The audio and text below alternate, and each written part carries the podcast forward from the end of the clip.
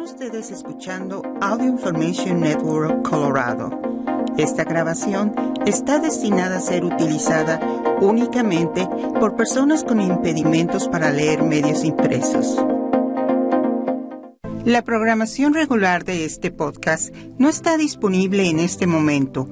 Esperamos que disfrute de esta transmisión especial de AINC. Gracias por acompañarnos el día de hoy, 7 de noviembre 2023, a la lectura de Telemundo Denver. Mi nombre es Janet Beatty. Estos son los principales artículos que leeremos hoy. Segundo oficial absuelto tras la muerte de Elijah McClain, quien fue sometido a una llave de cuello e inyección de ketamina por The Associated Press. Ya son 48 los muertos por el destructor paso del huracán Otis en México por EFE. Estos cinco precandidatos se enfrentarán en el debate republicano en Miami. Por Meg Kennard. Judío muere tras disputa durante protestas pro-israelíes y pro-palestinas en California. Por NBC y continuaremos con algunos artículos diversos. Segundo oficial absuelto tras la muerte de Elijah McClain, quien fue sometido a una llave de cuello e inyección de ketamina. El jurado encontró al oficial de Aurora, Nathan Woodyard, no culpable de homicidio y homicidio culposo tras un juicio de semanas en el Tribunal de Distrito Estatal por The Associated Press. Denver, Colorado. Un segundo oficial del área de Denver fue absuelto el lunes en el caso de la muerte de Elijah McClain en 2019, quien fue sometido a una llave de cuello e inyectado con ketamina después de ser detenido por la policía mientras caminaba a casa desde una tienda. El jurado encontró al oficial de Aurora, Nathan Woodyard, no culpable de homicidio y homicidio culposo, tras un juicio de semanas en el Tribunal de Distrito Estatal. Hubiera enfrentado años de prisión de haber sido condenado.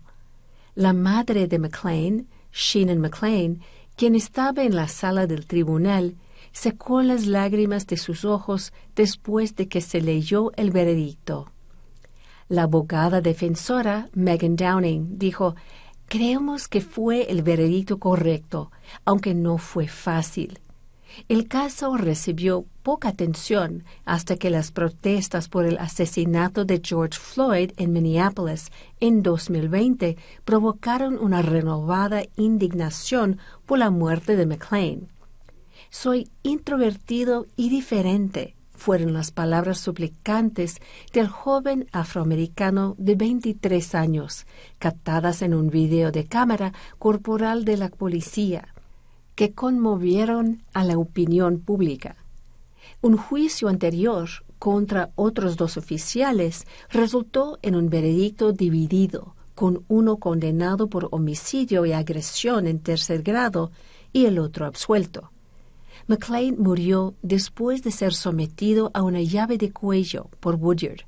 Fue inmovilizado en el suelo por el ahora absuelto y varios otros oficiales antes de ser inyectado por los paramédicos con una sobredosis de ketamina.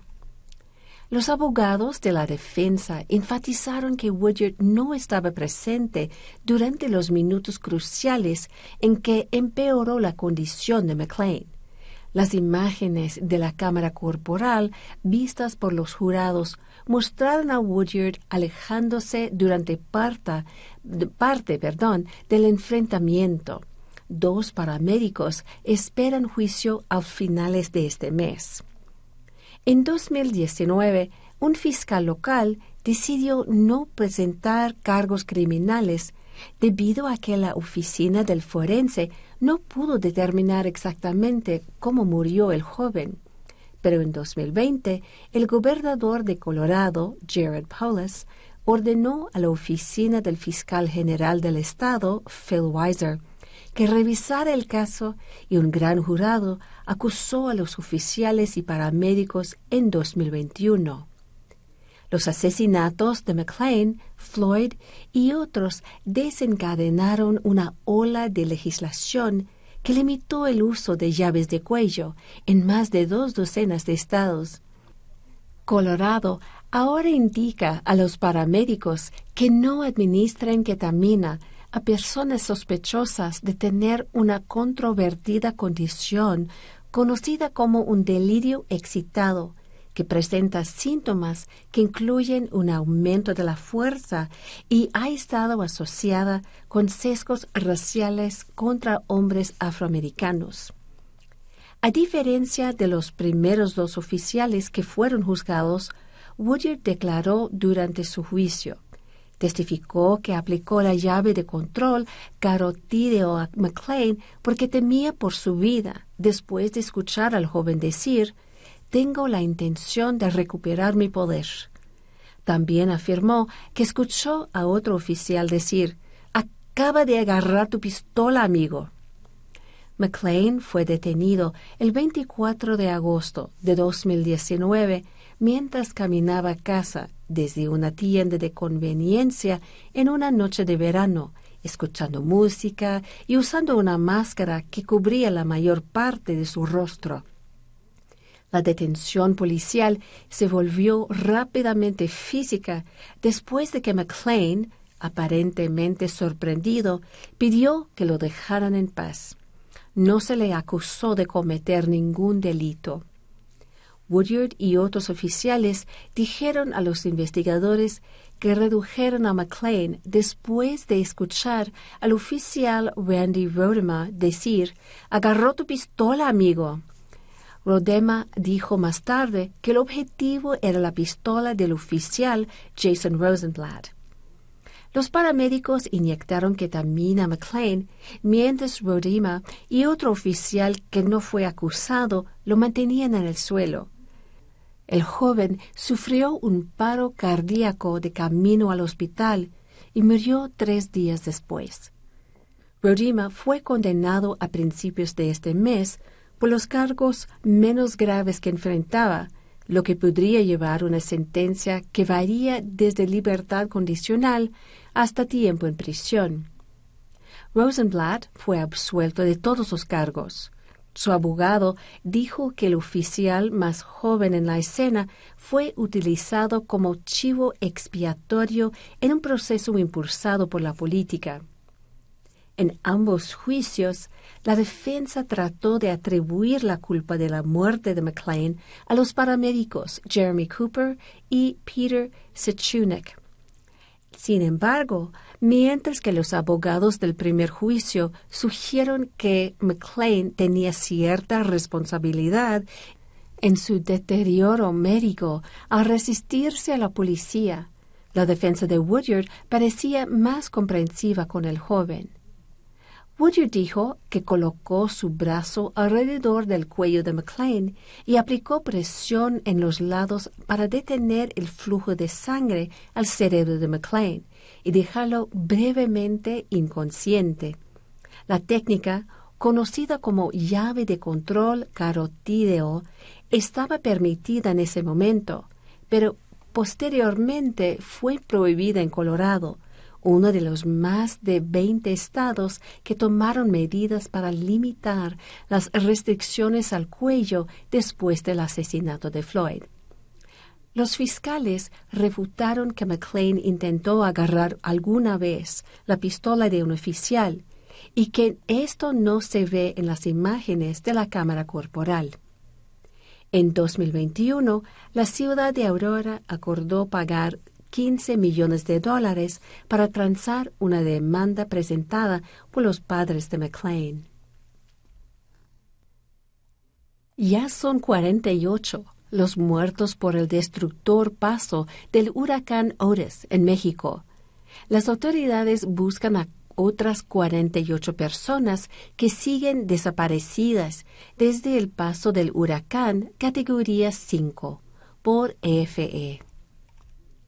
El gobierno de México elevó a 48 la cifra de muertos luego de devastador impacto del huracán Otis en el sureño estado de Guerrero, registrado el pasado 25 de octubre, mientras buscan aún a 48 desaparecidos luego de la tragedia.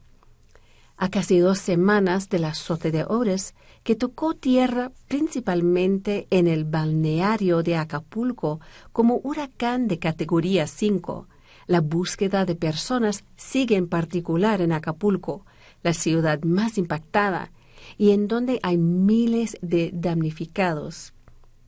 En el décimo segundo informe de trabajos para la recuperación y atención a la población afectada por Ores, distribuido a medios por la Coordinación Nacional de Protección Civil, CNPC, de México, se registró un deceso más respecto al reporte que dio en el presidente de México, Andrés Manuel López Obrador. López Obrador dijo que, según el informe más reciente, había 47 fallecidos y 53 personas no localizadas, pero el reporte de la CNPC se reportaron 48 decesos y 48 personas no localizadas. El gobierno mexicano estimó la semana pasada en 61 mil 313 millones de pesos, más de 3.500 millones de dólares, el costo para las reparaciones y apoyos sociales en el sureño estado de Guerrero tras el impacto del huracán Ores. López Obrador aseguró que el presupuesto para la recuperación del puerto de Acapulco, Guerrero, tras el huracán Ores es suficiente y no hay límite para lo que se necesite.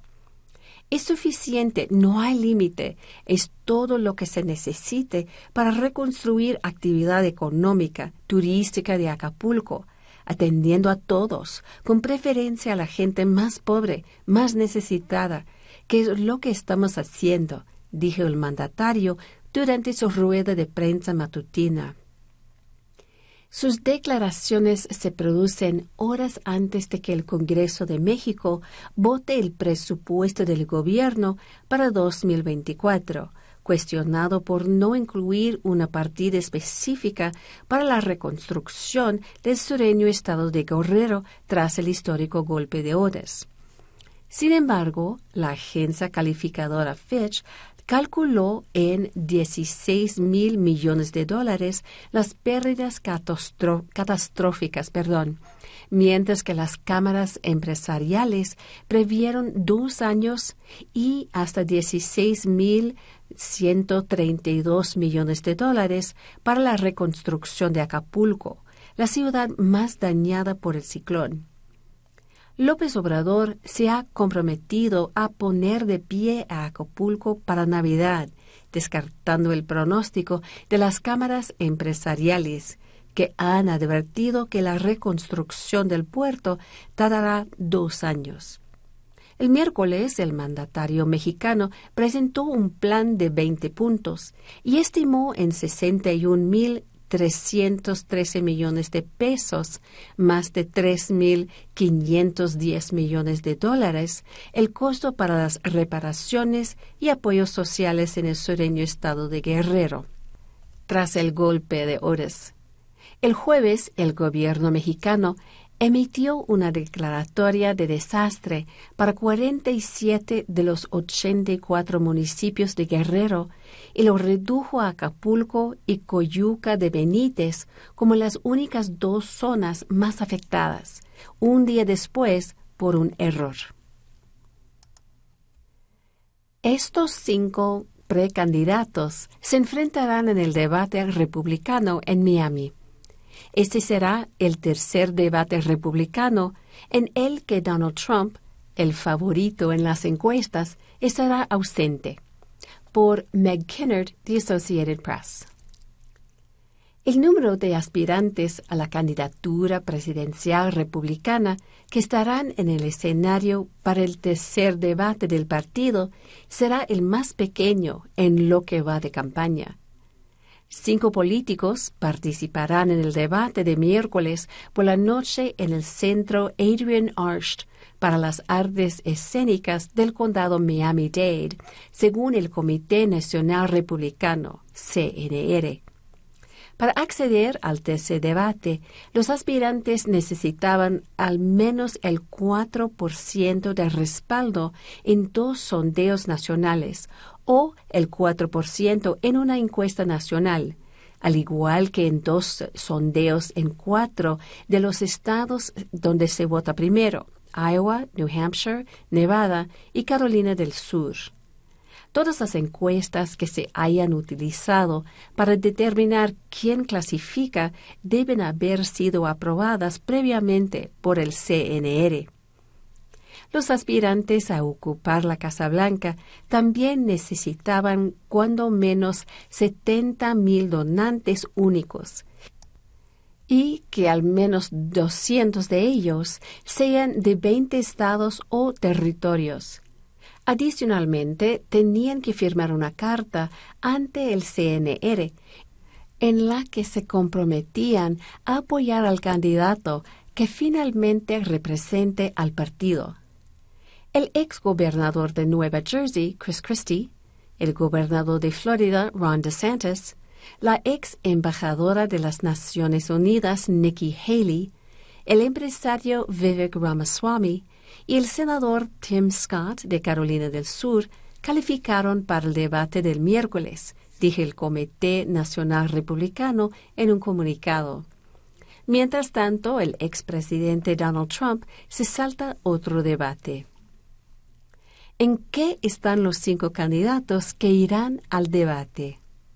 Ron DeSantis, en un principio, el gobernador de Florida era considerado el principal rival de Donald Trump, aunque se ubicaba en un distante segundo lugar frente al actual favorito para obtener la candidatura republicana en las encuestas sobre intención del voto a nivel estatal y nacional.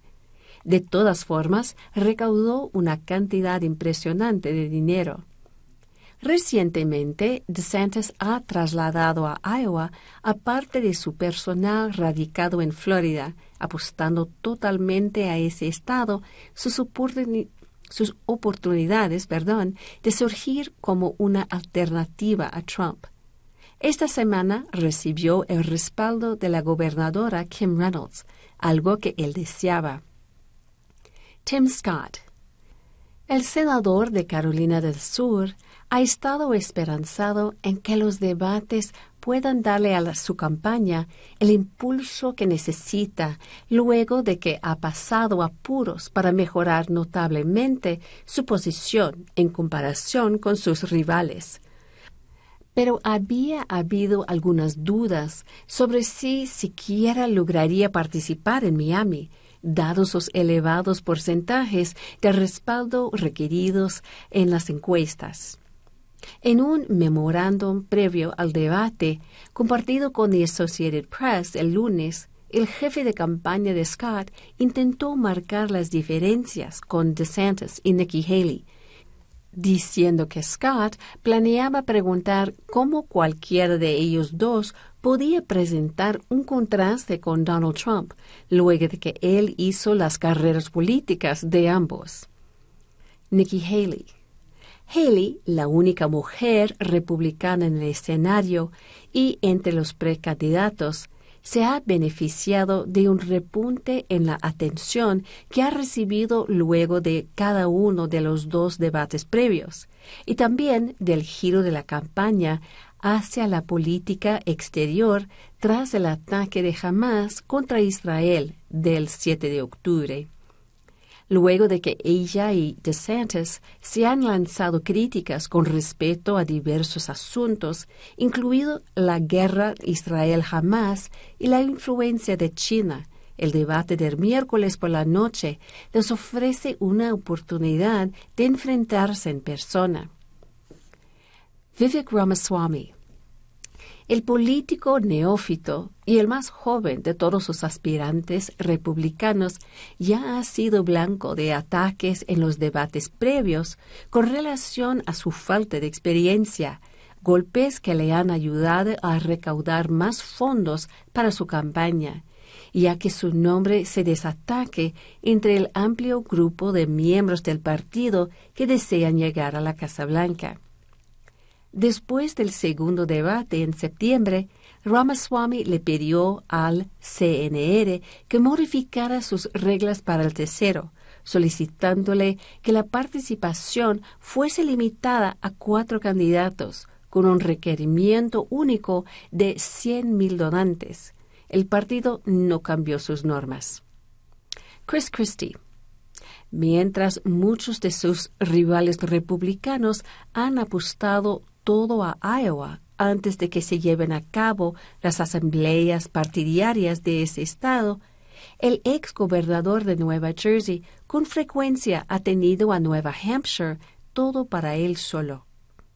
Christie ha trazado un camino allí como el aspirante más crítico de Trump, presentándose como el único republicano dispuesto a enfrentarlo directamente, y alegando que Trump perderá ante el presidente Joe Biden en noviembre del año próximo si llega a ser el nominado del partido. Sin Trump en los debates, Christie se ha quedado sin la presencia del blanco que pretendía atacar, pero de todas formas lo ha mencionado. En septiembre, Christie miró directamente a la Cámara y declaró que si Trump sigue sin asistir a los debates, será merecedor de un nuevo apodo, el Pato Donald. Trump y los otros ausentes. Donald Trump, el actual favorito en las preferencias de los electores republicanos, no acudirá a un debate por tercera ocasión consecutiva. Esta vez decidió llevar a cabo un evento que compita con el debate a media hora de distancia en Hialeah, Florida. Trump dice que ha renunciado a los debates porque no desea ayudar a que sus oponentes mejoren su posición en las encuestas al estar en el escenario con ellos. Doug Burgum. Burgum un ex emprendedor de software que se encuentra en su segundo periodo como gobernador de Dakota del Norte, perderá su primer debate del ciclo tras no lograr cumplir los requisitos en las encuestas. Asa Hutchinson, el ex gobernador de Arkansas, por dos periodos participó en el primer debate, pero no lograr clasificar al segundo. Luego de no poder acudir a ese debate, señaló en un comunicado que su meta era incrementar su cifra en las encuestas al 4% en uno de los estados donde se vota primero antes del Día de Acción de Gracias. Si esa meta es alcanzada, entonces sigo siendo competitivo y en la contienda, ya sea para el día de las asambleas partidarias o el día de las primarias, escribió en septiembre. Judío muere tras disputa durante protestas pro-israelíes y pro-palestinas en California. La autopsia catalogó la muerte del hombre de 69 años como homicidio. Paul Kessler cayó al piso y se golpeó la cabeza, según autoridades, por NBC. Las autoridades del condado Ventura, en California, están investigando la muerte de un hombre judío que resultó herido durante un enfrentamiento en manifestaciones pro-israelíes y pro-palestinos durante una protesta el domingo. Los testigos dijeron que Paul Kessler, de 69 años, tuvo un altercado físico con otros manifestantes, dijo el departamento del sheriff del condado de Ventura en un comunicado. Durante el altercado, Kessler cayó hacia atrás y se golpeó la cabeza contra el suelo, dijo. El incidente ocurrió alrededor de las 3 y 20 pm del domingo en Thousand Oaks, una comunidad en el área de Los Ángeles. Kessler fue trasladado a un hospital en donde murió el lunes, dijo. Los resultados de la autopsia. La autopsia determinó que la causa de la muerte fue una lesión en la cabeza por fuerza contundente y la forma de muerte fue catalogada como homicidio, dijo el departamento de sheriff en un comunicado. Manifestaciones pro-israelíes y pro-palestinos se estaban realizando al mismo tiempo en Westlake y Thousand Oaks, dijo el departamento del sheriff. Una foto publicada en las redes sociales mostraba a Kessler antes del altercado, ondeando una bandera israelí en una intersección. Luego, un fotógrafo de prensa capturó una imagen de Kessler recibiendo atención médica en el suelo, con la cabeza apoyada en un cartel casero ensangrentado. El video también parece mostrar a Kessler tirado en el piso, con la cabeza cubierta de sangre. Otro video parece mostrar a manifestantes pro-palestinos que continúan gritando consignas y ondeando banderas después de que Kessler resultó herido. El mismo video muestra sangre salpicada sobre un cartel que decía dejen de bombardear a bebés y a sus familias. Estados Unidos. Los republicanos de la Cámara Baja buscan una estrategia para evitar un cierre de gobierno. Los conservadores se están uniendo detrás de un plan que exige un par de medidas de financiación provisionales escalonadas a corto plazo para presionar al Senado para que apruebe sus propios proyectos de ley de gasto por Scott Wong y Sahil Kapoor y NBC News. Washington. El gobierno federal se queda sin dinero en menos de dos semanas, pero el presidente de la Cámara de Representantes, Mike Johnson, y su equipo de liderazgo aún tienen que decidir una estrategia para evitar un cierre. Johnson, republicano por Luisiana, y su equipo se reunieron el lunes por la noche para revisar sus opciones para mantener abierto el gobierno después de la fecha límite del 17 de noviembre. Todo está sobre la mesa. Simplemente estamos evaluando los méritos de cada enfoque, dijo el representante conservador Byron Donalds, republicano por Florida, al salir de la reunión y agregó que la conferencia republicana en pleno de la Cámara discutirá sus opciones en una reunión a puertas cerradas el martes por la mañana. Johnson dijo la semana pasada que su preferencia es aprobar una resolución continua hasta el 15 de enero, lo que mantendría las luces del gobierno encendidas durante las vacaciones y daría a la Cámara y al Senado más tiempo para aprobar y negociar los doce proyectos de ley de asignaciones. Pero durante la reunión privada del lunes, los líderes republicanos también discutieron una idea, favorecida por los conservadores, que exige medidas de financiación provisionales escalonadas y a corto plazo según la última propuesta, los republicanos incluirían de tres a cuatro proyectos de ley de asignaciones en una resolución continua, OCR, hasta el 7 de diciembre y colocarían el resto de los proyectos de ley de gastos en una resolución separada hasta el 19 de enero. Estoy abierto a casi cualquier idea en ese momento pero me gusta porque nos ayuda a centrarnos en un cronograma para realizar nuestro trabajo, dijo Donalds. Al igual que en la escuela o en el mundo empresarial, tienes un horario para realizar tu trabajo. Y nunca he visto nada parecido a un congreso en el que no existan cronogramas para realizar el trabajo. La idea, propuesta por primera vez por el representante Andy Harris, republicano por Maryland, miembro del Freedom Caucus de extrema derecha, ha sido discutida en el Capitolio y criticada en las redes sociales como una RC escalonada. Johnson utilizó el término en su primera conferencia de prensa la semana pasada. Pero en la reunión del lunes por la noche, los líderes republicanos advirtieron a sus colegas que dejaran de usar esa frase porque resulta confusa para el público, dijeron los asistentes.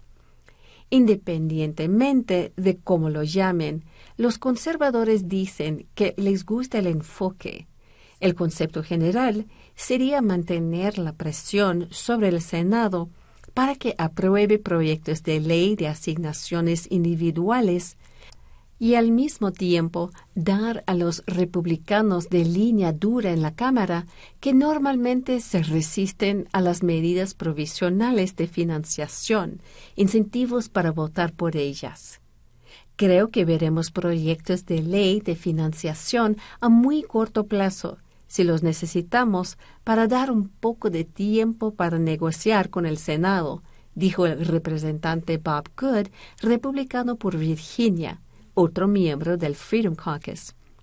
Creo que veremos los detalles específicos de esto, si es necesario, durante las próximas dos semanas.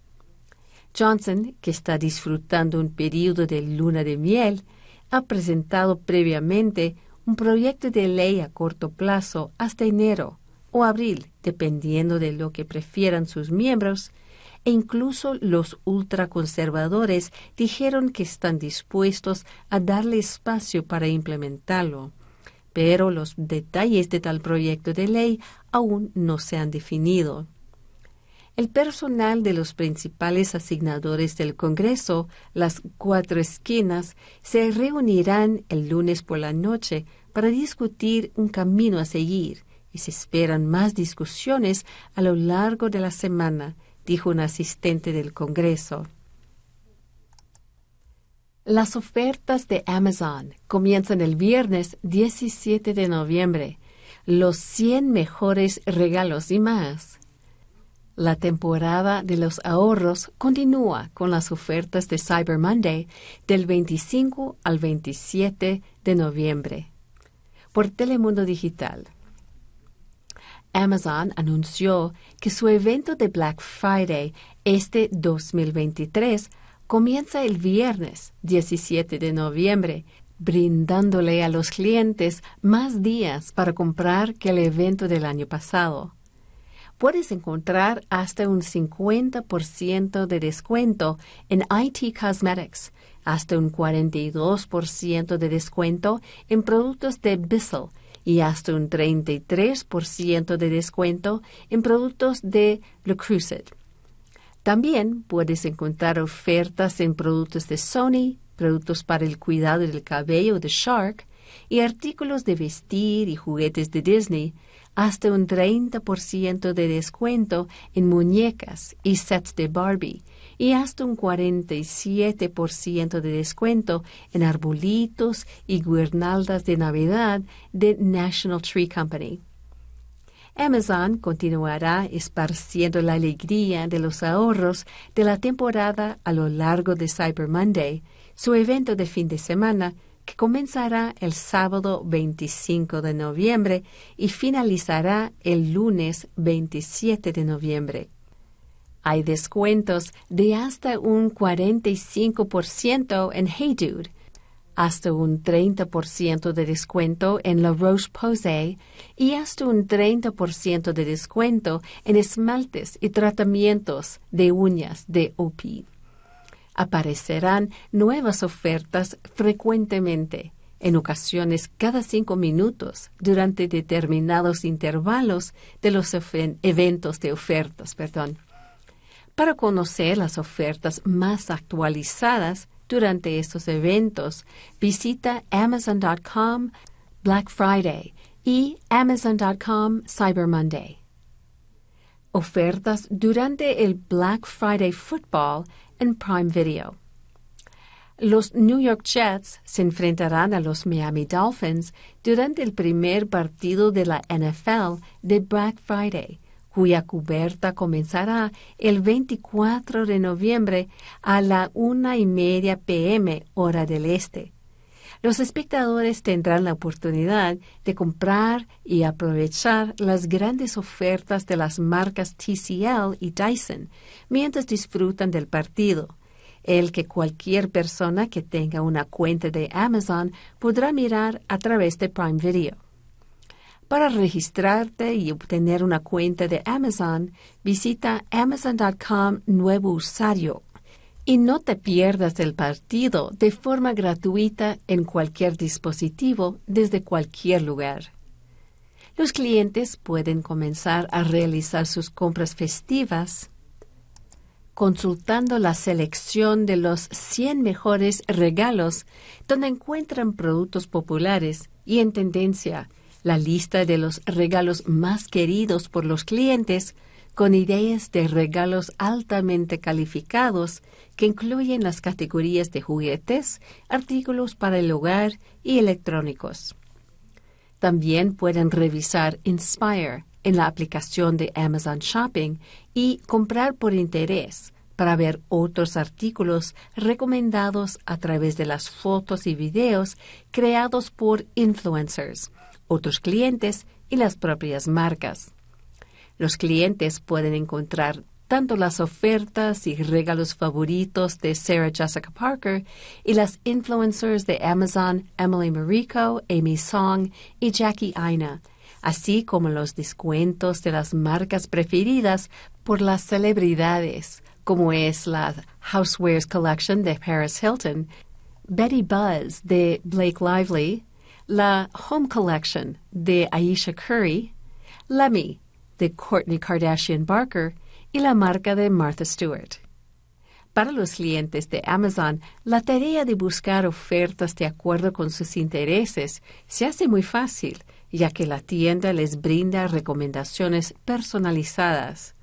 A través de la sección Comprar de nuevo, encuentran ofertas personalizadas de productos que hayan comprado anteriormente y artículos que hayan guardado previamente en sus listas y con seguir comprando obtienen recomendaciones de ofertas basadas en su historial de navegación. Los clientes también reciben notificaciones de ofertas personalizadas de Alexa hasta con 24 horas de antelación en artículos elegibles incluidos en sus listas de artículos deseados y la de guardar para más tarde y en su carrito de compras. Además, pueden mantenerse al tanto de las ofertas personalizadas durante toda la temporada al decir, Alexa, ¿cuáles son mis ofertas? Apoyo a las empresas pequeñas.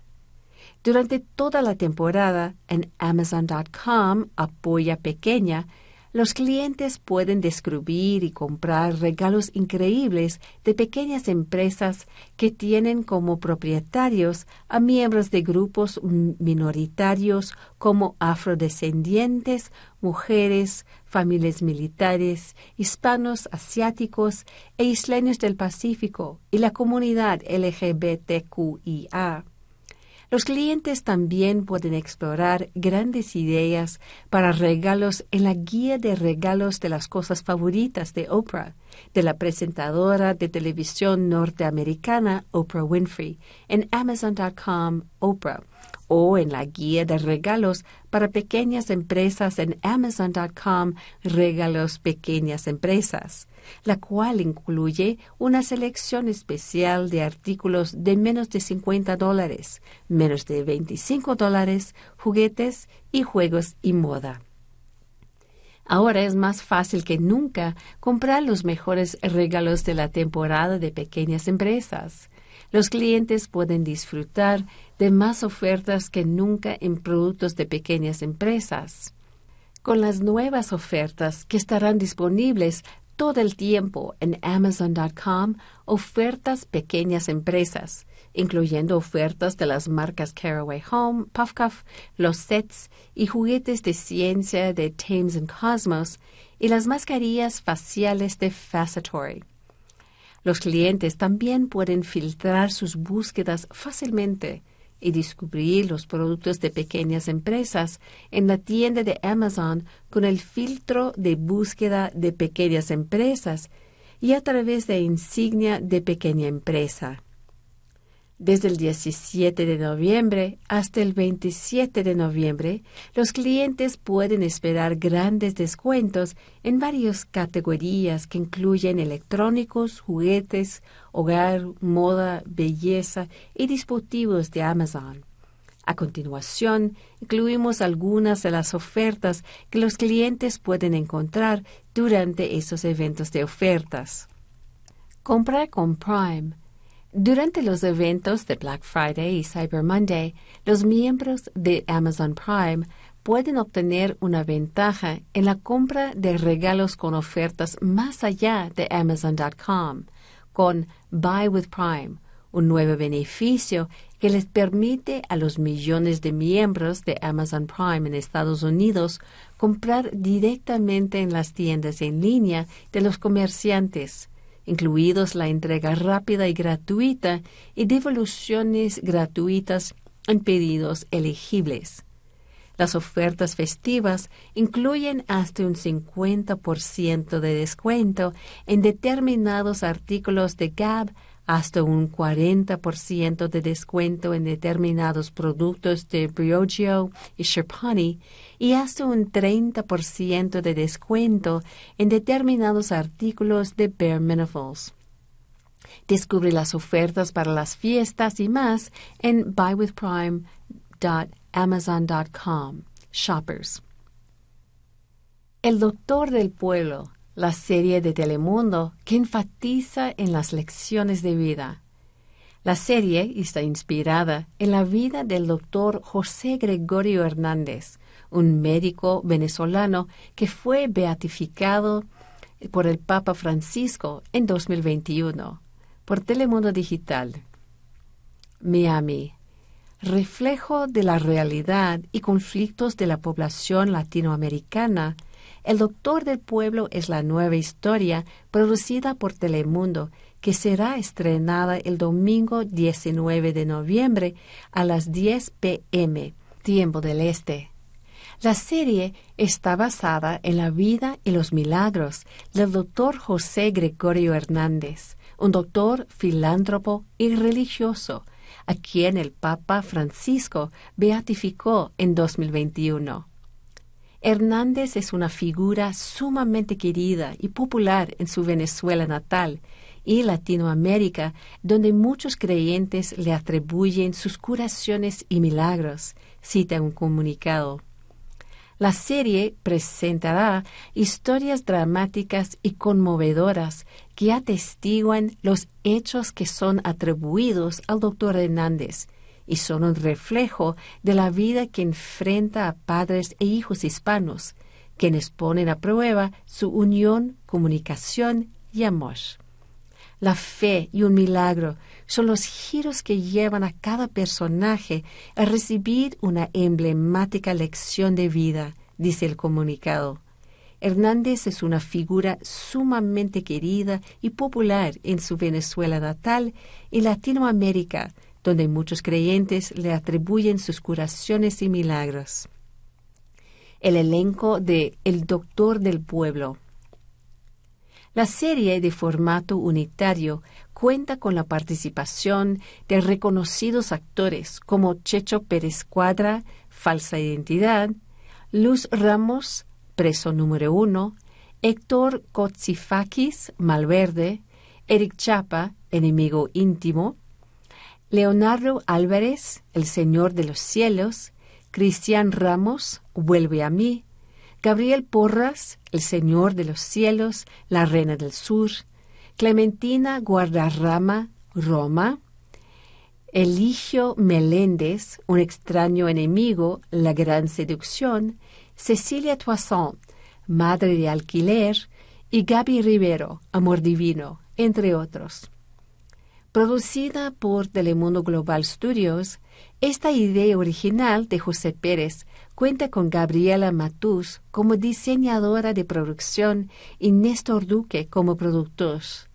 Los productores ejecutivos de la serie son José Vicente Shoren, Georgina Terán, María Auxiliadora Barrios y Gabriela Valentan para EFD Group, por sus siglas en inglés. Karen Barrueta y Jimena Cantuarias de Telemundo también son productoras ejecutivas de la serie. El público podrá ver El Doctor del Pueblo exclusivamente por Telemundo y al siguiente día por Peacock. Los televidentes pueden seguir esta serie a través de Facebook, Twitter e Instagram usando at Telemundo Series y at Telemundo. Corte Suprema podría aprobar ley que prohíbe portar armas de fuego a acusados de violencia doméstica. El caso pondrá a prueba hasta qué punto está dispuesta a llegar la mayoría conservadora del tribunal al interpretar el alcance de su fallo de 2022 que amplió los derechos a portar armas fuera del hogar. Por Lawrence Hurley y NBC News. Washington.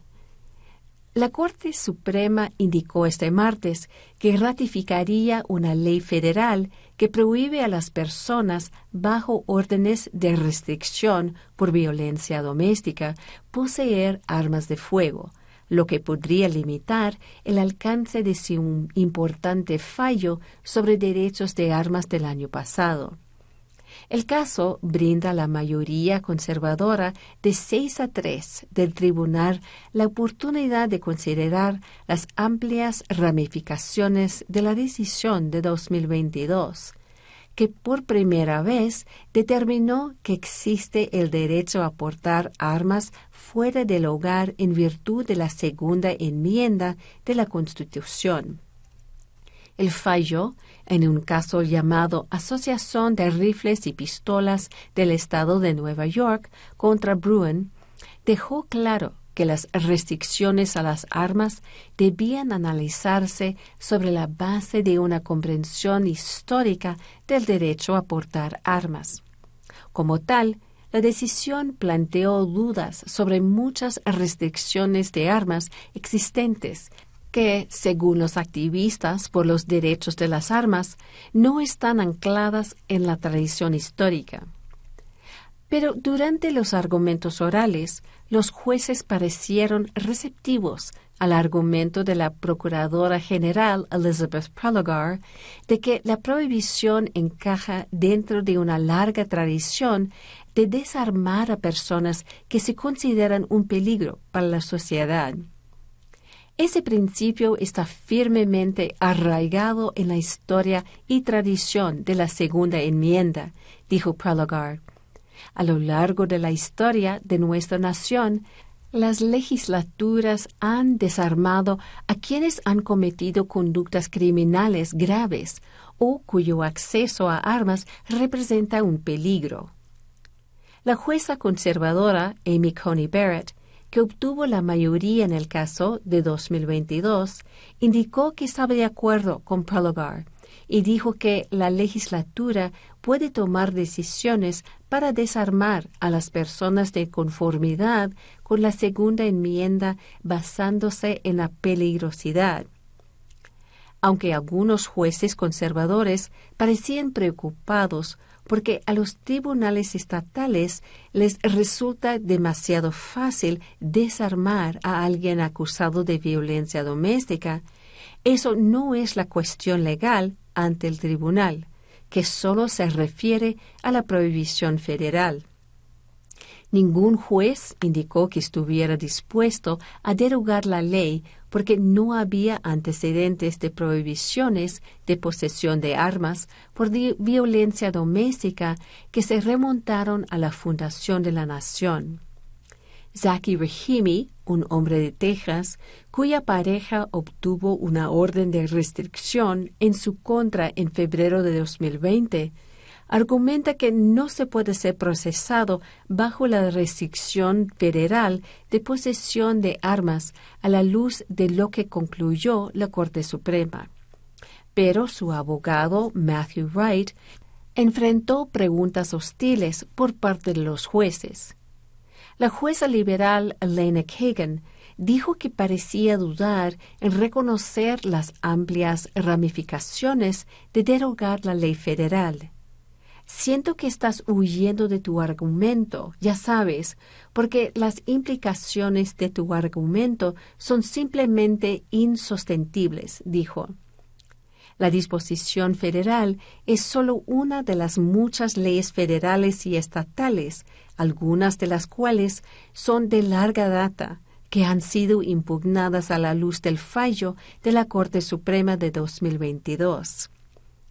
En varios casos, jueces federales han dictaminado que otras restricciones federales sobre armas también violan el derecho a portar armas, incluida una que prohíbe a los delincuentes poseer armas y otra que prohíbe a menores de 21 años comprar armas de fuego una disposición separada que prohíbe a los usuarios de drogas ilegales poseer armas de fuego, también ha sido objeto de escrutinio, en parte porque Hunter Biden ha sido acusado de violarla y ha indicado que presentará una impugnación constitucional.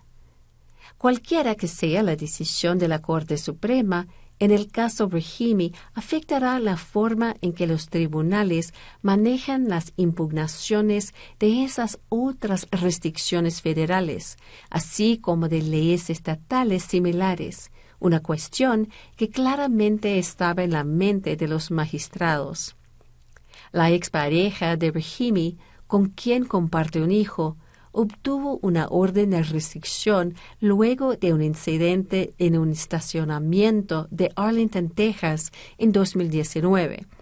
Rahimi supuestamente tiró a la mujer al suelo, la arrastró hasta su auto y la empujó adentro, causando ella se golpeó la cabeza contra el tablero, dijeron los fiscales en documentos judiciales.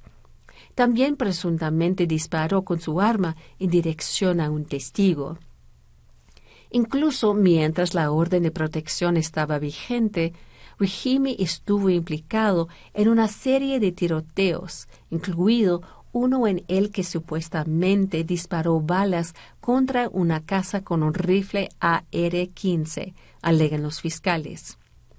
El presidente del Tribunal Supremo, John Roberts, investigó a Wright sobre si el propio Rahimi debería considerarse peligroso. No tienes ninguna duda de que tu cliente es una persona peligrosa, ¿verdad? le preguntó a Wright. Cuando Wright dijo que dependería de cuál fuera la definición de conducta peligrosa, Roberts respondió, Alguien que, ya sabes, dispara a la gente. Ese es un buen comienzo. Rahimi enfrenta cargos estatales por agresión doméstica y una agresión separada contra otra mujer. Pero el caso ante los jueces se refiere a su procesamiento separado por parte del Departamento de Justicia por violar la ley federal de posesión de armas. Rahimi finalmente se declaró culpable y fue sentenciado a seis años de prisión. El Tribunal de Apelaciones del Quinto Circuito de Estados Unidos, con sede en Nueva Orleans, aplicó el fallo de la Corte Suprema de 2022 en el caso de Rahimi y concluyó en un fallo de marzo que la ley no cumple con los requisitos constitucionales.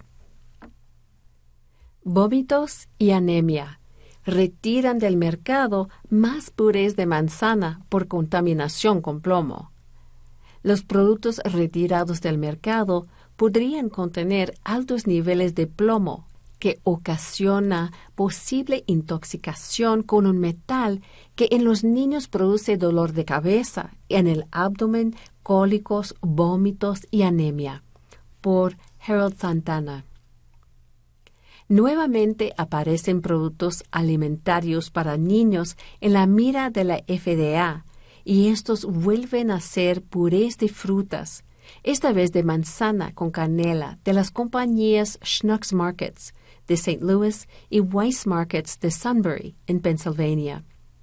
esos productos están siendo retirados del mercado podrían contener altos niveles de plomo, según la FDA, que ha recibido al menos siete reportes de posible intoxicación con plomo, metal que en los niños puede producir dolor de cabeza, en el abdomen, cólicos, vómitos y anemia. El consumo de los productos contaminados puede provocar una toxicidad aguda, indicó la FDA.